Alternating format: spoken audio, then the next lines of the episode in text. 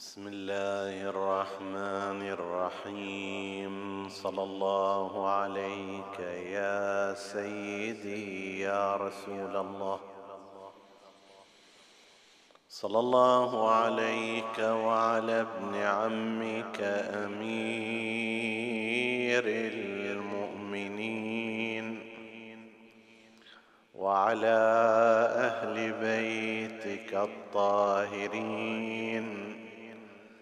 صلى الله عليك يا سيدي ويا مولاي. يا أبا عبد الله الحسين. ما خاب من تمسك بكم وأمن من لجأ إليكم. يا ليتنا كنا معكم فنفوز فوزا عظيما.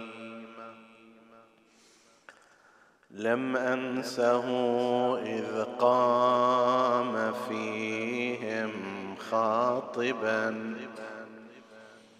فإذا هم لا يملكون جوابا. يدعو ألست أنا ابن بنت نبيكم؟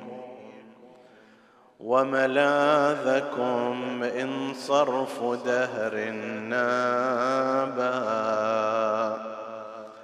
هل جئت في دين النبي ببدعة؟ أم كنت عن أحكامه مرتابا؟ أولم يوص بنا النبي وأودع الثقلين؟ فيكم عترة وكتابا. فغدوا حيارى لا يرون لوعظه إلا الأسنة والسهام جوابا حتى إذا أسفت علوج أمية ألا ترى قلب النبي مصايا.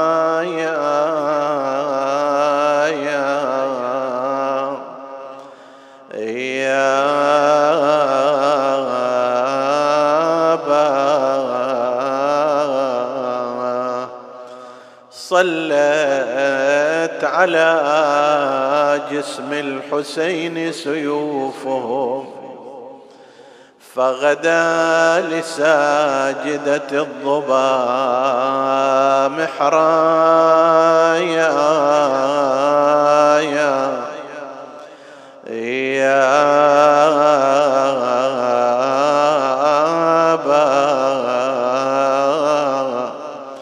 ومضى لهيفا لم يجد غير القنا. ظلا ولا غير النجيع شرايا يا يا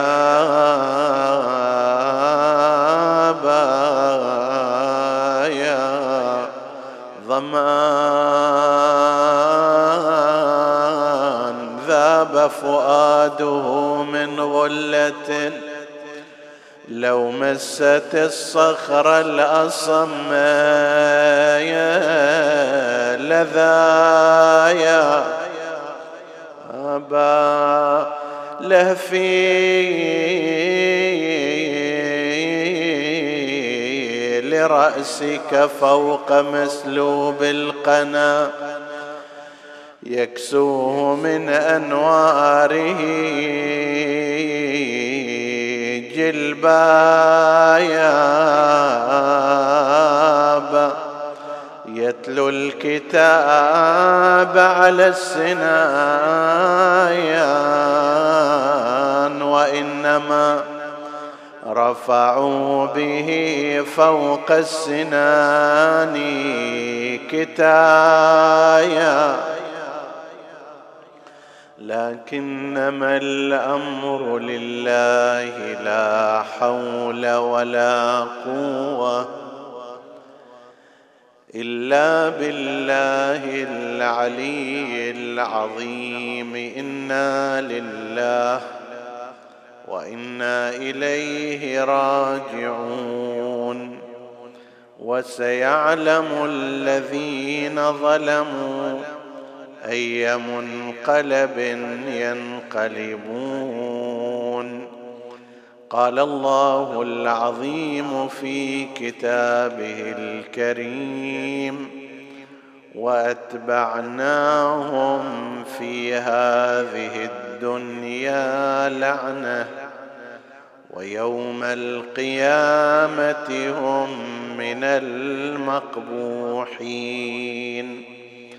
آمنا بالله. صدق الله العلي العظيم. عطروا مجالسكم بذكر محمد وآل محمد.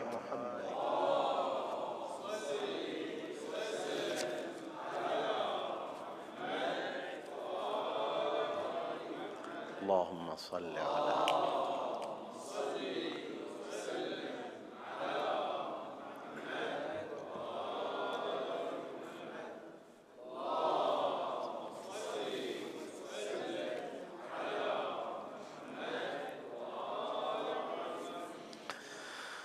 حديثنا هذه الليلة ضمن الحديث عن أعداء الحسين وقتلته.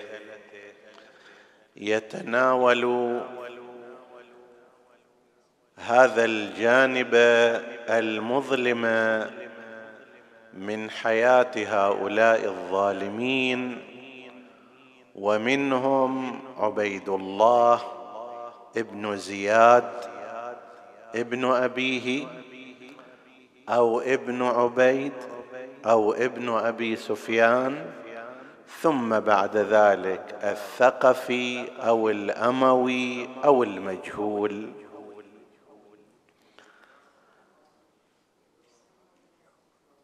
هذا الرجل والده زياد ابن أبيه محير النسب. فإن المشهور أن أمه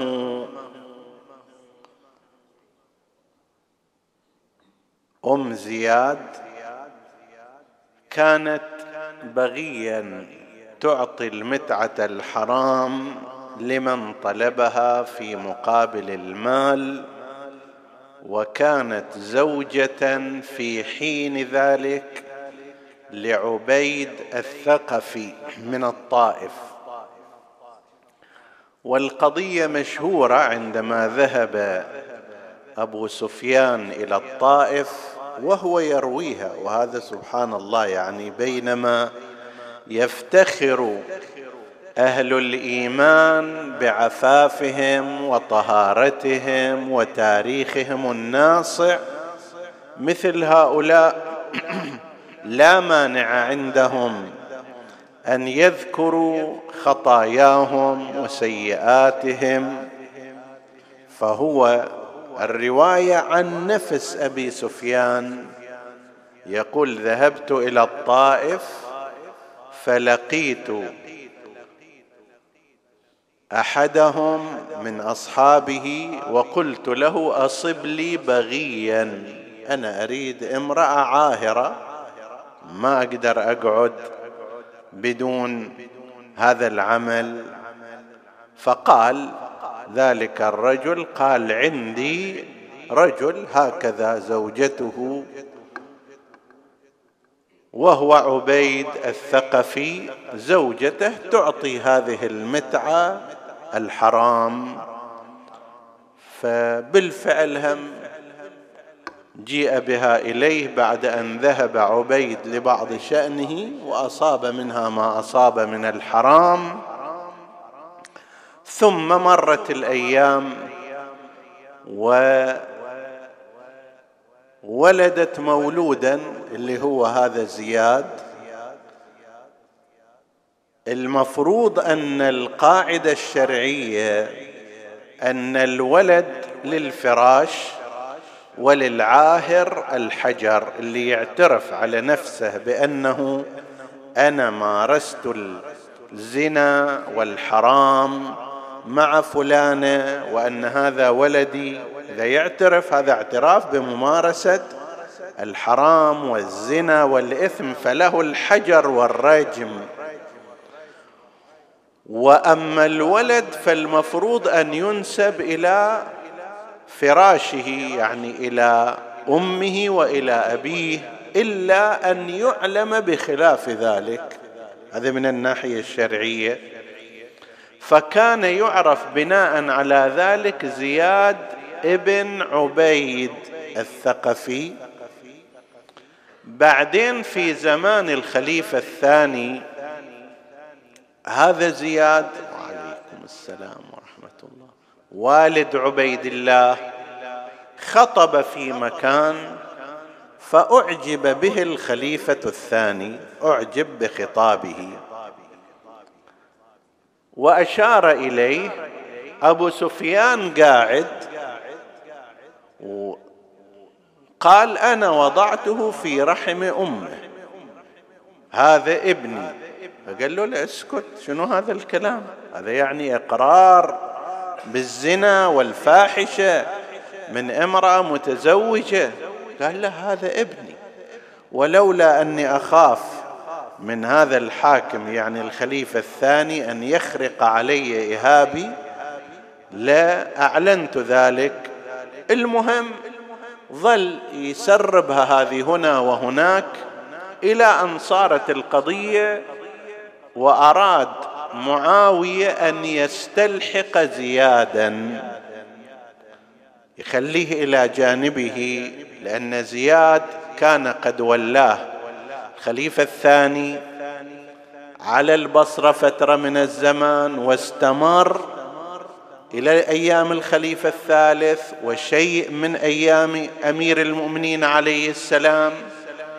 بعدين لما اجى معاوية في هالأثناء وصار يستقطب إليه الولاه بعضهم بالأموال بعضهم بالوعود بعضهم حتى بالزواج. يزوج لهم ويتزوج منهم. المهم تعال إلى صفنا فأرسل إلى زياد أنه أنت أخونا أصلا؟ أنت أخي وأبوك وأبي واحد أبو سفيان. فأنت شلون تروح وراء اعدائنا وتتركنا.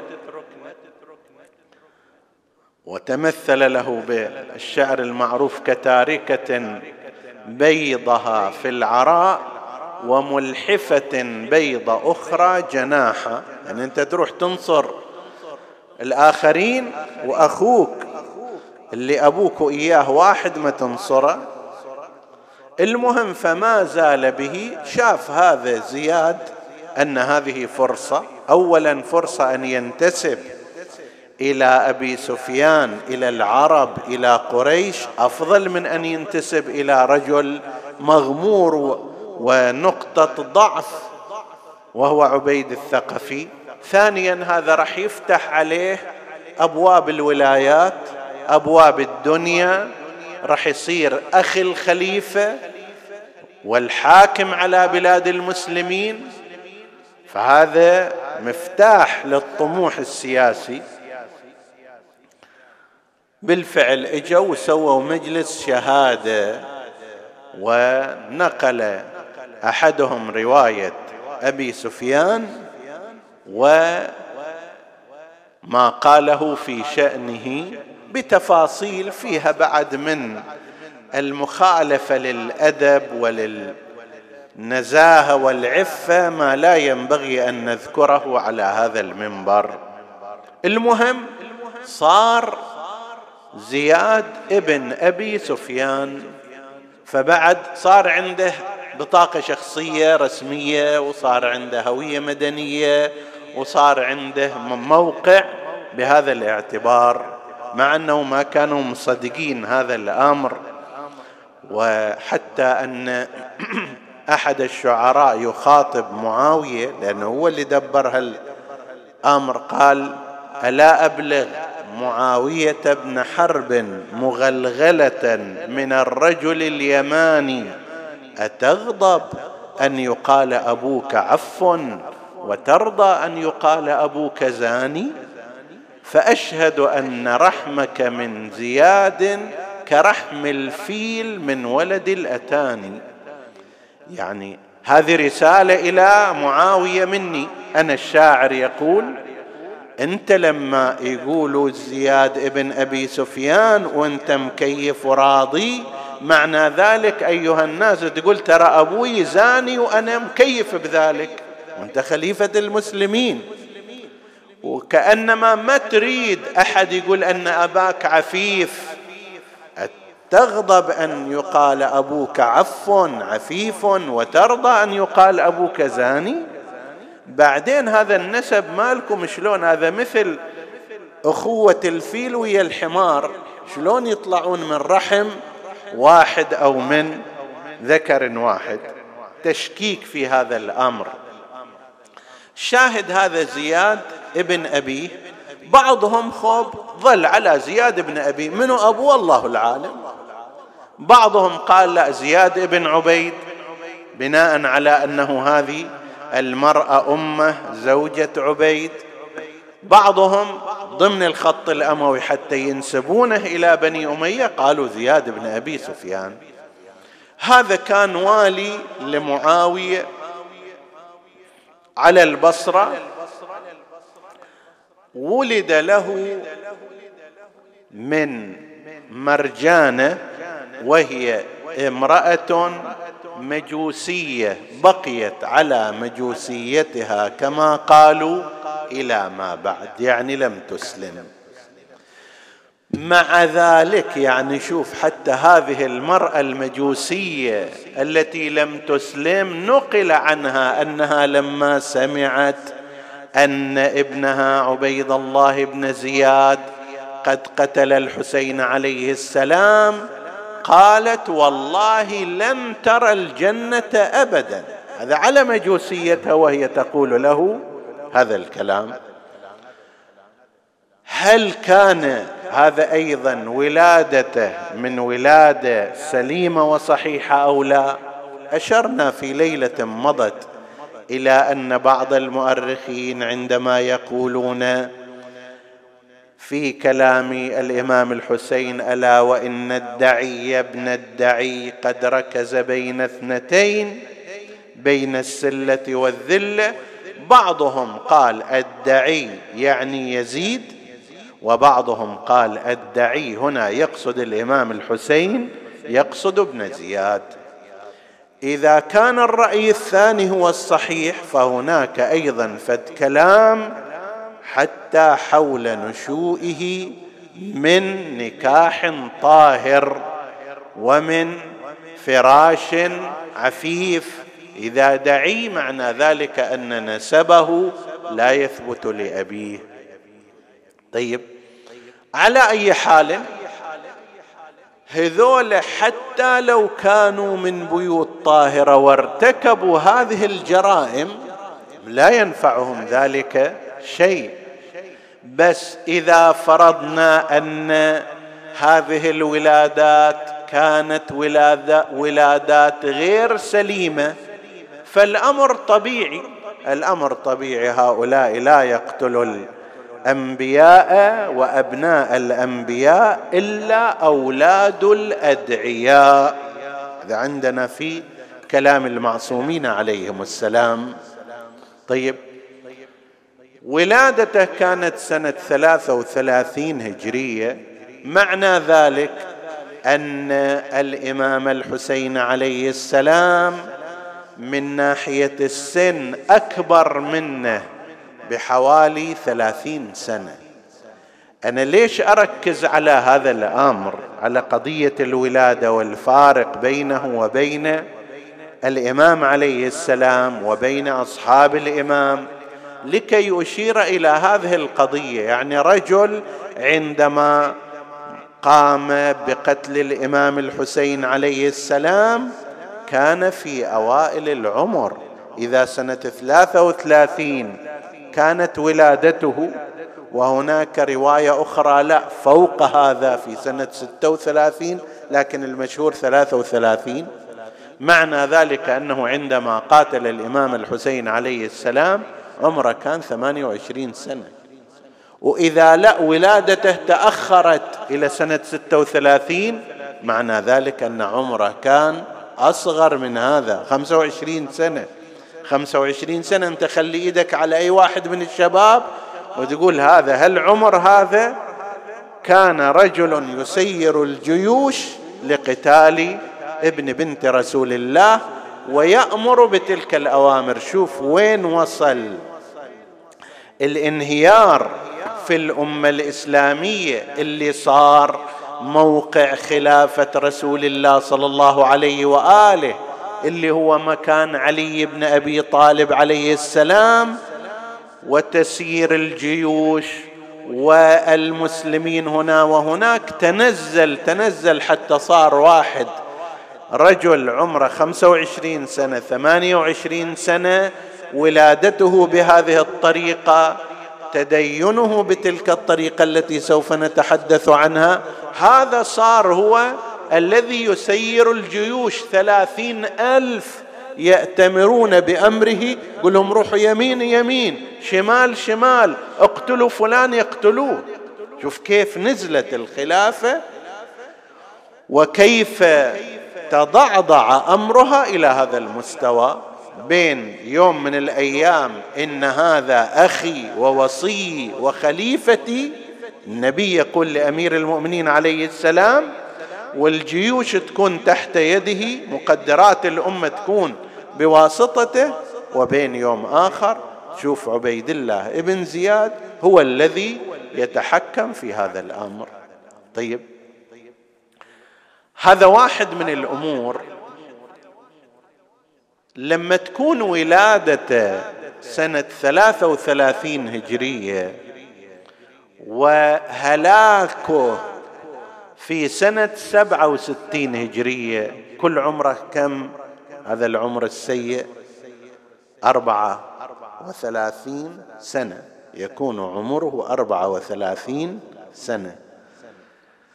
أنت تصور أن إنسان بهذه الشكل في دنياه كلها كان له هذا العمر وارتكب من المخازي والآثام ما أشار إليه القرآن الكريم وأتبعناهم في هذه الدنيا لعنة.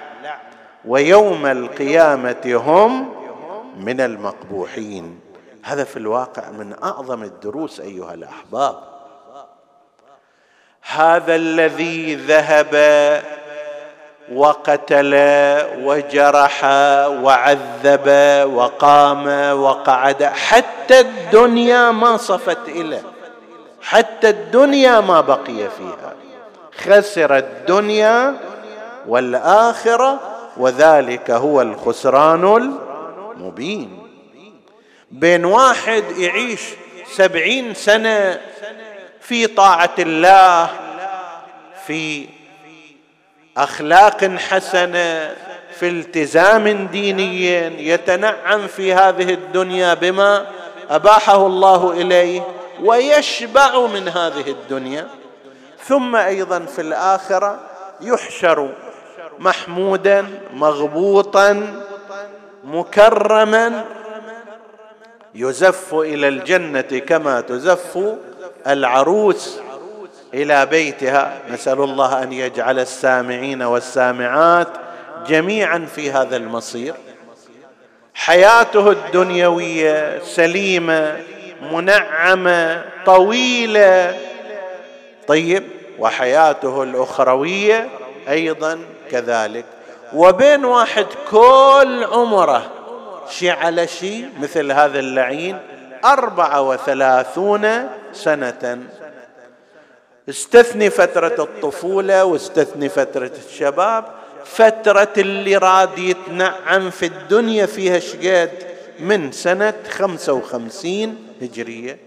سنة خمسة وخمسين هجرية عينه معاوية عين عبيد الله بن زياد واليا على البصرة. يعني ذاك الوقت عمره 22 سنة. طيب بعد هلاك أبيه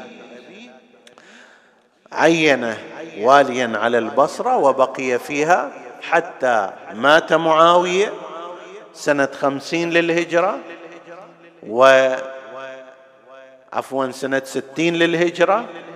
خمس سنوات يعني ثم بعد ذلك لما جاء يزيد ابن معاوية جمع له البصرة والكوفة بثمن أن يقتل الحسين عليه السلام. انزل من البصرة وابحث عن مسلم بن عقيل بحثك عن الإبرة فإذا جاء الحسين بن علي فإن بايع وإلا فاقطع عنقه وابعث إلي برأسه. زين. ثمن أن وهذا كان يدورها هو ابن زياد لأن الكوفة هي أكبر وأثرى من البصرة في ذلك الوقت وتعد أعظم منها والولاية عليها مثل الولاية على العاصمة. طيب فكان يدورها. الآن جاية إليه بهذا الثمن هذا الثمن بالنسبة إليه سهل. هو طبعا يعبر عن ذلك بكلام آخر وليس أيضا بعيدا بينهم هذا. قال وأما قتلي للحسين فإن يزيد قد أمرني ب قد خيرني بين قتله وقتلي فاخترت قتله. يعني قال لي إذا ما تقتل الحسين أنت تقتل. وهذه الطريقة عندهم ماشية ها؟ يعني إذا ما تقوم بهذا الأمر معنى ذلك أنك معاد لنا وإذا معاد إلنا أنت تستحق العزل بل تستحق القتل. فهي هذه الفترة فقط اللي صفت إليها الخمس سنوات ست سنوات. بعد ذلك لما قتل الحسين عليه السلام تمخضت الكوفة عن حركة التوابين. صار عبد الله بن الزبير اجى أيضا وبسط ثار في الحجاز في مكة والمدينة وبعث واليا له على الكوفة. ابن زياد هرب إلى دمشق. طيب لأن الجو كان كل جو معادي إليه. من جهة التوابون كانوا يتجهزون. من جهة أخرى ابن الزبير بعث واليه على الكوفة. وكل كل هذول ينظرون إلى ابن زياد على أنه من أعدائهم فهرب إلى دمشق. في دمشق حاول أن يجمع إلى أنصار ويجمع إليه جيش ويستعيد العراق اللي فيما بعد المختار ظهر وأرسل إليه المختار الثقفي عندما ظهر بعد استشهاد التوابين. المختار الثقفي جاء وأرسل إلى عبيد الله بن زياد جيشا لقتاله. وكان ابن زياد قد جاء من دمشق باتجاه الموصل. الموصل هناك صارت معركة قوية جدا بينه وبين جيش المختار الذي كان يقوده إبراهيم ابن مالك الأشتر النخعي. وهناك قتل عبيد الله بن زياد بسيف إبراهيم الأشتر ابن مالك الأشتر قتل أيضا شنيعا. قسمه نصفين يعني مو مبارزة ولا مثلا جرح ولا كذا.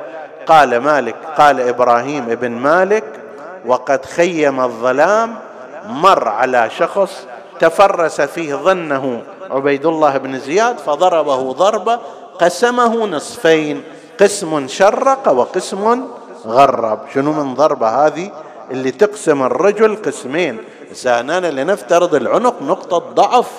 زين بالإمكان أن يضرب بالسيف ويسقط الرأس لكن من الوسط مثلا سواء الصدر أو البطن أو غير ذلك كل التواريخ تقول قسمه نصفين شرق قسم وغرب قسم آخر. طيب وقال أنا قال إبراهيم ابن مالك الأشتر قالوا أنا راجع ضربت رجل فيه رائحة أظنه عبيد الله بن زياد اللعين فاذهبوا إليه وانظروا لعله يكون هو بالفعل راحوا وشافوه هو فقطعوا رأسه. زين. هذا أربعة وثلاثين سنة هو مجمل العمر ماله استثني منها حوالي السنوات الثلاث أو الأربع الأخيرة من بعد شهادة الإمام الحسين عليه السلام واحد وستين خليك ثلاث سنوات ثم بعد ذلك سنة سبعة وستين هذه لم تكن مستقرة له ولا هادئة فكل عمره في الحكم والاستمتاع بما أعطي كان من خمسة وخمسين إلى سنة واحد وستين أضف عليها سنة أو سنتين يعني سبع سنوات. سبع سنوات هذا كل اللي حصله في تاريخه. وأما عمره المقصوف فكان عمره المقدار هذا على الرواية المشهورة. ثلاثة وثلاثين سنة أربعة وثلاثين سنة وعلى الرواية الأخرى لا ثلاثين أو نحو ذلك. زين. هذا لا هو في حياته الدنيوية عاش حياة سليمة ويوم القيامة ينتظره ذلك العذاب العظيم. الذين يدرسون حياته يشيرون وهذا أيضا يعني منبه على بعض الأمور. يشيرون إلى أن تأثره بأجواء الفرس والبيئة المجوسية التي كانت فيها أمه كان تاثرا كبيرا. إلى درجة أنه كان كما يقول المؤرخون كان يرتضخ لكنة فارسية. يعني مع أنه عربي المفروض والده من العرب ولكنه عندما يتكلم يتكلم بلكنة فارسية. مثلا جابوا جاءوا إليه بأحد الخوارج فقال له أهروري أنت سائر اليوم كان يقال للخوارج حروريه نسبة إلى منطقة حروراء فهذا لا يعرف أن ينطق الحاء بالطريقة الصحيحة العربية فيقول له أهروري أنت فبدأ يتضاحك ذلك. ذلك الرجل الذي جاءوا به إليه أنه لا أنا مو هروري أنا من مثلا الخوارج أو المحكمة أو غير ذلك.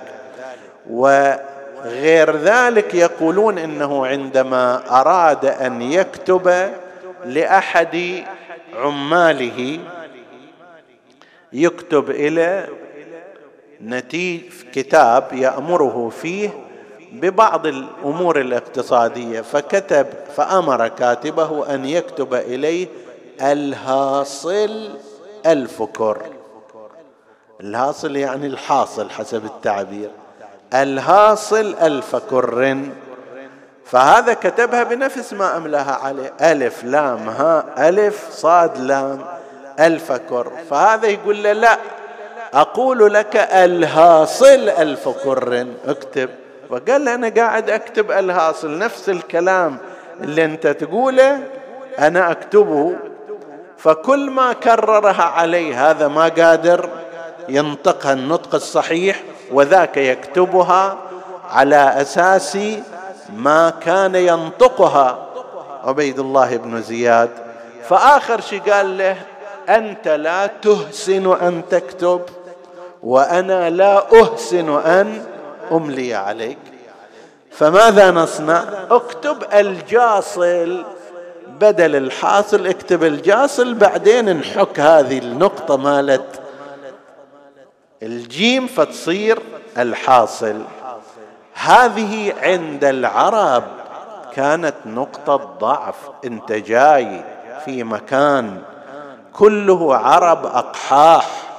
عندهم الشعر يلعبون به كما يلعبون بالمسبحة. أنت كلمة لا تستطيع أن تنطقها بكلام عربي فصيح. ولذلك عندما سمع زينب عليها السلام عندما جيء بها إليه وتكلمت كلاما لقد قتلت كهلي واجتثثت أصلي فإن يشفك هذا فقد اشتفيت وأخذت تتكلم فيه امتلأ اعجابا بها. أنه هذا الكلام فقال لها لعمري إنها لسجاعة وكان أبوها سجاعا. يعني عندها كلام مرتب منظم هو لا يستطيعه.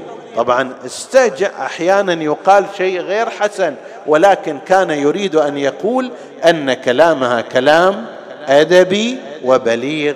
طبعا بالقياس إليه لا يوجد أصلا قياس.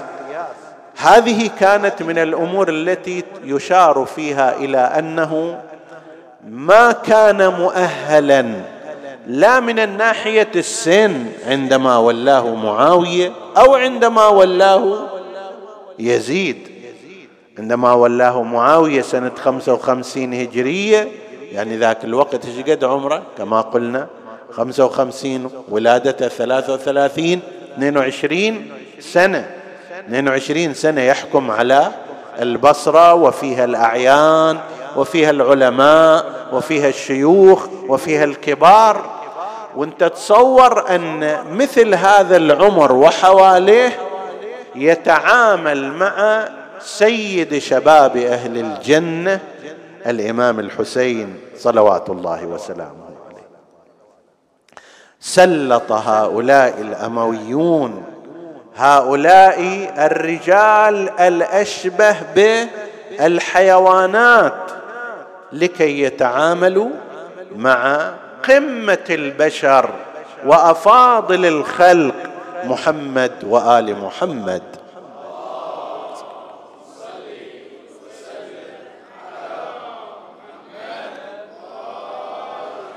فما صفت له هذه الدنيا وفي ذلك معنى كبير.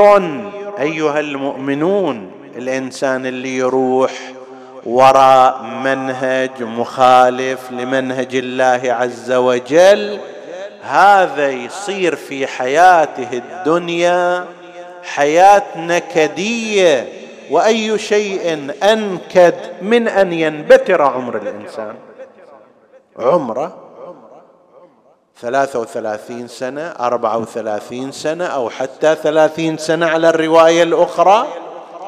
في بدايات العمر ولا ينتفع في هذه الدنيا بشيء ويوم القيامة هم من المقبوحين. مو غريبا تشوف في انتخاب الذين انتخبوا مقدمة المجلس الحسيني.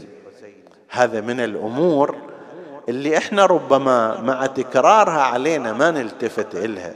ولكن هذه الديباجة التي توجد كمقدمة للمجالس الحسينية بعد السلام على رسول الله وعلى الحسين وعلى أهل بيته. ماذا يقول الخطباء عادة؟ وسيعلم الذين ظلموا أي منقلب ينقلبون. حتى تعبير الانقلاب ها؟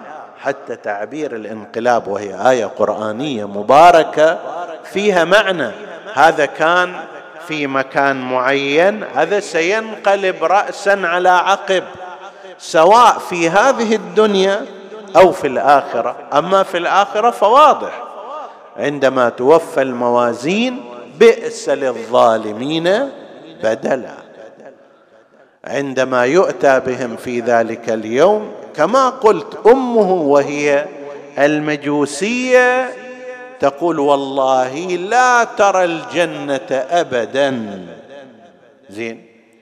وأما في هذه الدنيا فالأمر أيضا كذلك. حازها غيره وذهب جهده إلى غيره وهو خسر هذه الدنيا ولم يحصل على شيء في هذه الدنيا ولم يمتع بعمره.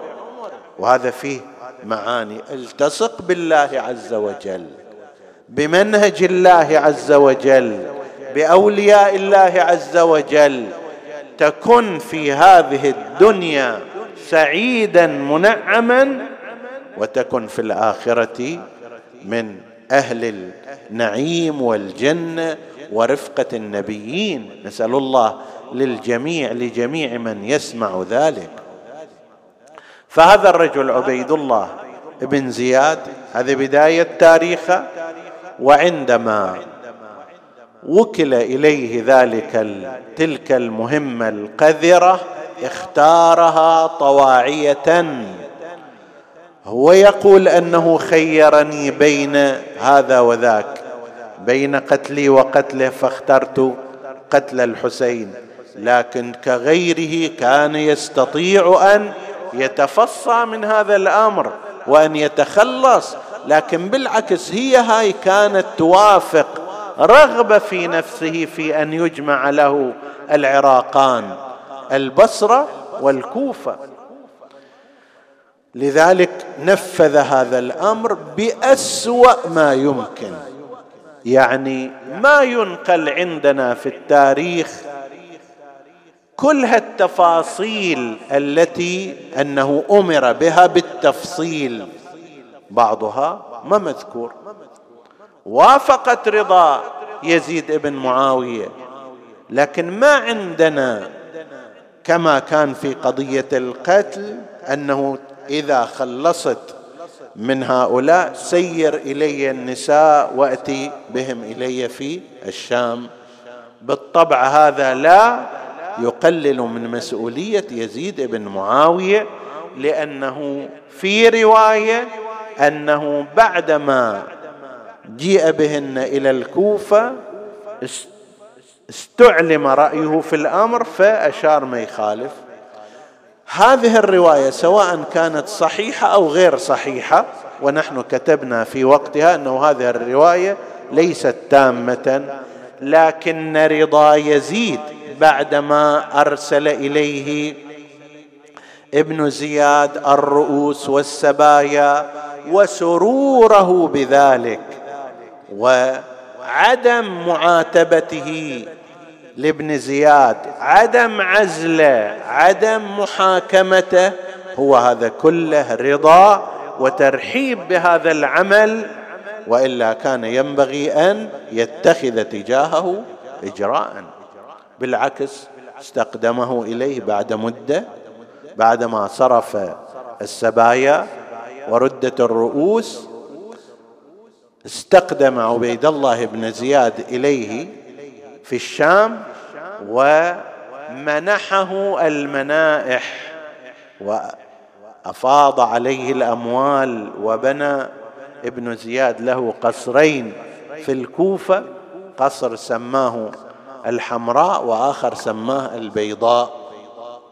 وهذه كلها من عطيات يزيد بن معاوية وكان يتشارك معه معاقرة الخمر. ومعروف عنه الشعر اسقني شربة يزيد يقول لساقيه اسقني شربة تروي مشاشي ثم مل. فاسق مثلها ابن زياد وياي قاعد.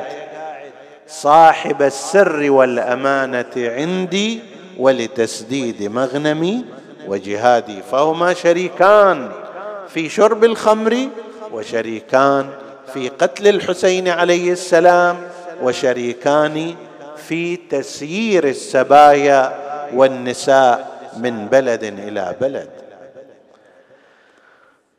كانت صارت مواجهة بين زينب العقيلة سلام الله عليها وبين ابن زياد. في مجلسه في الكوفة عندما أدخلت السبايا عليه وكان حسب ما ورد في رواية رويت عن الإمام زين العابدين عليه السلام أدخل على على ابن زياد رأس الحسين سلام الله عليه وكان يتغذى. وهنا بدأ اللعين يسأل عن الحاضرين فقال من هذا؟ على زين العابدين عليه السلام. قالوا له هذا علي بن الحسين. قال أوليس الله قد قتل عليا؟ قال له الإمام زين العابدين كان لي أخ اسمه علي قتله الناس. فقال بل الله قتله. قال الله يتوفى الأنفس حين موتها والتي لم تمت في منامها. قال وبك جرأة على رد جوابي؟ فقال للسياف علي بالسيف.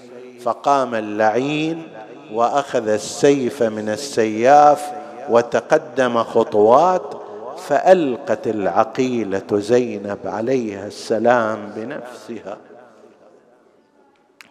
بنفسها على ابن أخيها زين العابدين عليه السلام.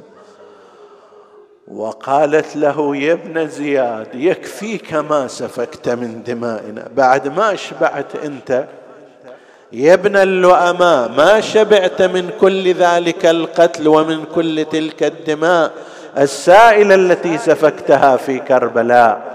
يكفيك ما سفكت من دمائنا.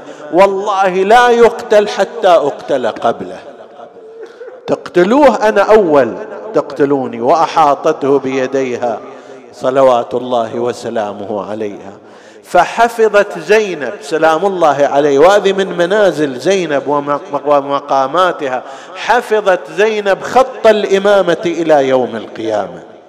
لولا أنها في ذلك الموضع حفظت زين العابدين لا عندنا صحيفة سجادية ولا عندنا هذه العلوم ولا عندنا فترة إمامة الإمام السجاد عليه السلام. ولا غير ذلك لكنها صلوات الله وسلامه عليها هي التي حفظت هذا الإمام العظيم. لكن ألمها الوضع جدا. عندما رأت رأس الحسين عليه السلام وقد قدم إلى ابن زياد لعنة الله عليه.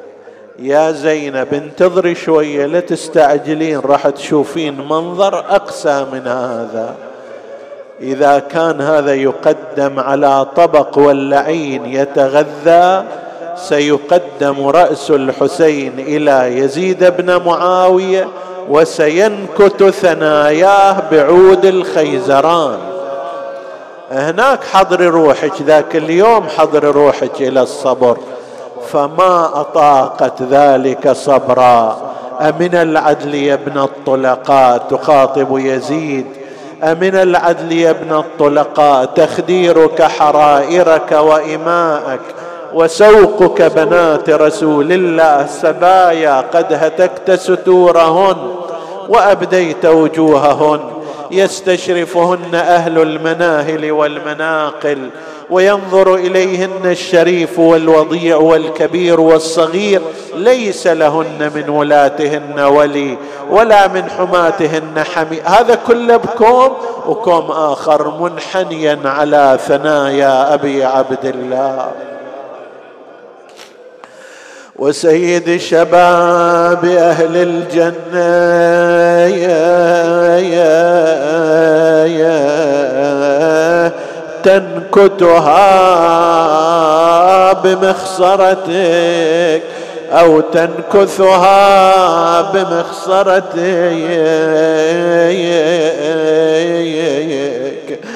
كأني بها في هذه الحالة توجهت إلى رأس أخيها. يا حسين راسك حين شفت يا يا يا تلعب عصا يزيد على شفته. حقها زينب أنا ذاك الوقت وجهي لطمته. أنا ذاك الوقت وجهي لطمته.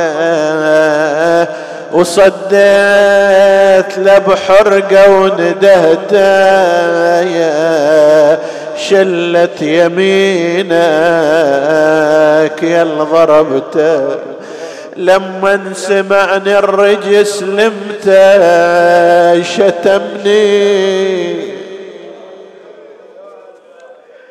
شتمني وتعدت له شتمته يا ضنوة الهادي ومهجته يا أخو المثلك ضيع اخته رأس ابن بنت محمد ووصيه في المسلمين على قناة يرفع.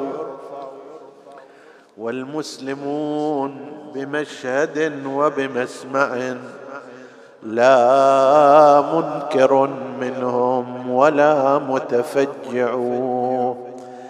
نسألك اللهم وندعوك باسمك العظيم الأعظم. الاعز الأجل الأكرم. يا الله اغفر لنا ذنوبنا. كفر عنا سيئاتنا آمنا في أوطاننا. لا تسلط علينا من لا يخافك ولا يرحمنا ولا تفرق بيننا وبين محمد وآله طرفة عين. فضل اللهم إخواني السامعين فردا فردا واقض حوائجهم. اشف اللهم مرضاهم لا سيما المرضى المنظورين. ومن أوصانا بالدعاء. وتقبل اللهم عمل المؤسسين بأحسن القبول إلى أرواح موتاهم.